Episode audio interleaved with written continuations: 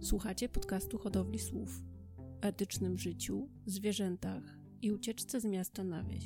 Ja nazywam się Rachela i zapraszam Cię do kolejnego odcinka.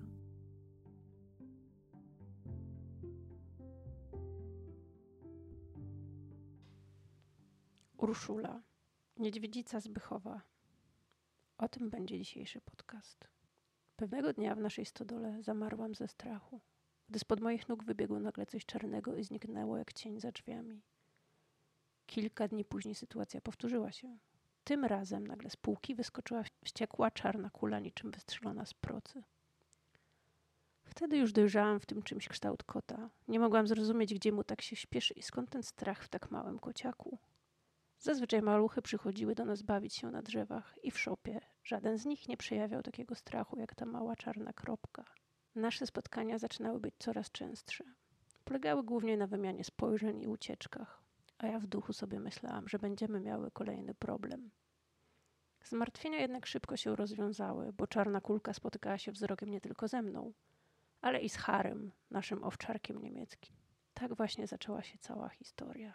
Gdy za okna usłyszałam warczenie, krzyk Krysi i szczekanie Heli, byłam pewna, że psy złapały jakieś zwierzę końcu Franka i kocia mama często przesiadują koło stodoły. Jednak gdy Krysia odwołała psy i na prędko wprowadziła je do domu, usłyszałam Chodź szybko, Harry pogryzł czarnego kota. Zgadnij, co stało się dalej. Wpadamy do stodoły, tam nasze standardowe dzikie stado i mała pogryziona kulka gdzieś między deskami. Wiedziałyśmy, że była w paszczy Harego, ale nie miałyśmy pojęcia, czy doznała jakichś obrażeń. Wyobrażałam sobie już naderwaną łapkę, krew na głowie. W końcu Harry to wielki pies. Gdy Franka pomogła nam zlokalizować małą, zaczęły się próby złapania dzikiego kota. Jakże żałuję do dziś, że nie miałam na sobie żadnych rękawiczek. Jak się pewnie domyślasz, skończyło się nie najlepiej, ale tylko dla mnie. W momencie, gdy już widziałam w pobliżu mnie kotkę, złapałam ją jedną ręką, druga mocno zaciskała latarkę. Zwinna wściekła kotka zrobiła 1500 obrotów, wyzwalając się z mojego uścisku. Ja zostałam z niczym innym jak z zakrwawionym ramieniem. Na szczęście kilka minut później Krysia schwytała ją w kontenerek. Jeżeli ci się wydaje, że udało nam się sprawdzić, czy nic jej nie jest, to jesteś w błędzie. Nawet weterynarka odmówiła wyjęcia kotki z kontenera, bo nie miało to sensu przy ciągłych atakach i syczeniu. Określiła na oko jej stan jako dobry i zasugerowała obserwację. Ta historia już raz się zdarzyła. Kotka trafiła na strych.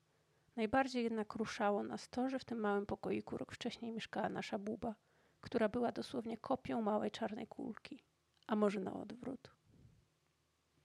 Przez miesiąc szukałyśmy kotce domu, a ja powoli jej ulegałam. Każdego dnia chodziłam ją wyjmować na siłę spod szafy, aby oswoić z człowiekiem. Karmiłam ją, dawałam smaczki, a na wieczór zostawiałam kulki z filcu. Po godzinie słyszałam, jak ten szatan przestacza się w małego kotka pragnącego zabawy. Oswajanie było trudne, jednak odbywało się już w rękawicach. Gdy zrobiło się zimno na strychu, zniosłam kociaka na dół. W pokoju Krysi mieszka już żółwica Bibi i jesz Maciek. Tego dnia dołączyła kotka. Po tych wszystkich próbach walki o oswojenie, Urszula, bo takie dostała imię na część odważnej niedźwiedzicy, okazała się całkiem słodkim misiem, który uwielbia nasze koty. Człowieka prawie też. Dziś jesteśmy w tym momencie, gdzie Ula leży ze swoim oprawcą Harym i Helą na jednym posłaniu. Ula jest ciekawskim kotem, który poznaje świat od nowa. Przeżywa dzieciństwo, jakiego nie miała szansy doświadczyć. Walcząc o życie z wiejskimi psami i kotami. Co mogę powiedzieć na koniec? Każdy z nas zachowuje się jakoś z pewnych powodów. Jeżeli nie mamy cierpliwości dowiedzieć się, dlaczego tak jest, prawdopodobnie nie zaznamy w pełni charakteru człowieka, kota czy psa. Czasami warto nie oceniać za szybko i uwierzyć, że coś tam dobrego w głębi każdego z nas się kryje. Pamiętajcie, że na ulicach miast i wiejskich wsi są setki kotów, które mogłyby zasłużyć na lepszy dom. Mogłyby już nie być zmuszane do ciągłego rodzenia małych, walczenia o pokarm i uciekania przed drapieżnikami. Powiem jedno: dom z kotem to wspaniały dom, a z trzema to ciągła zabawa. Polecam adopcję. Tak nietypowo na koniec przywitam się. Cześć. Dawno się nie słyszeliśmy. Jak może zauważyłeś, zauważyłaś, trochę chrypie mi głos. Tuż jesteśmy w takim momencie z Krystyną, że obie chorujemy i ciężko nam do czegokolwiek się zebrać. Ale W skrócie udało mi się opowiedzieć historię Uli.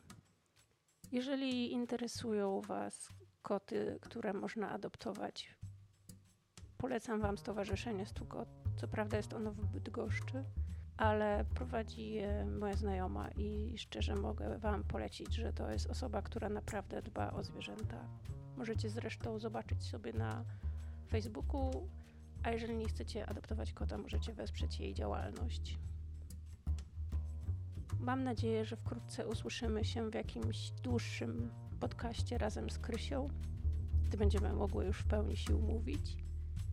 I zapraszamy Cię na kolejne odcinki. Do usłyszenia.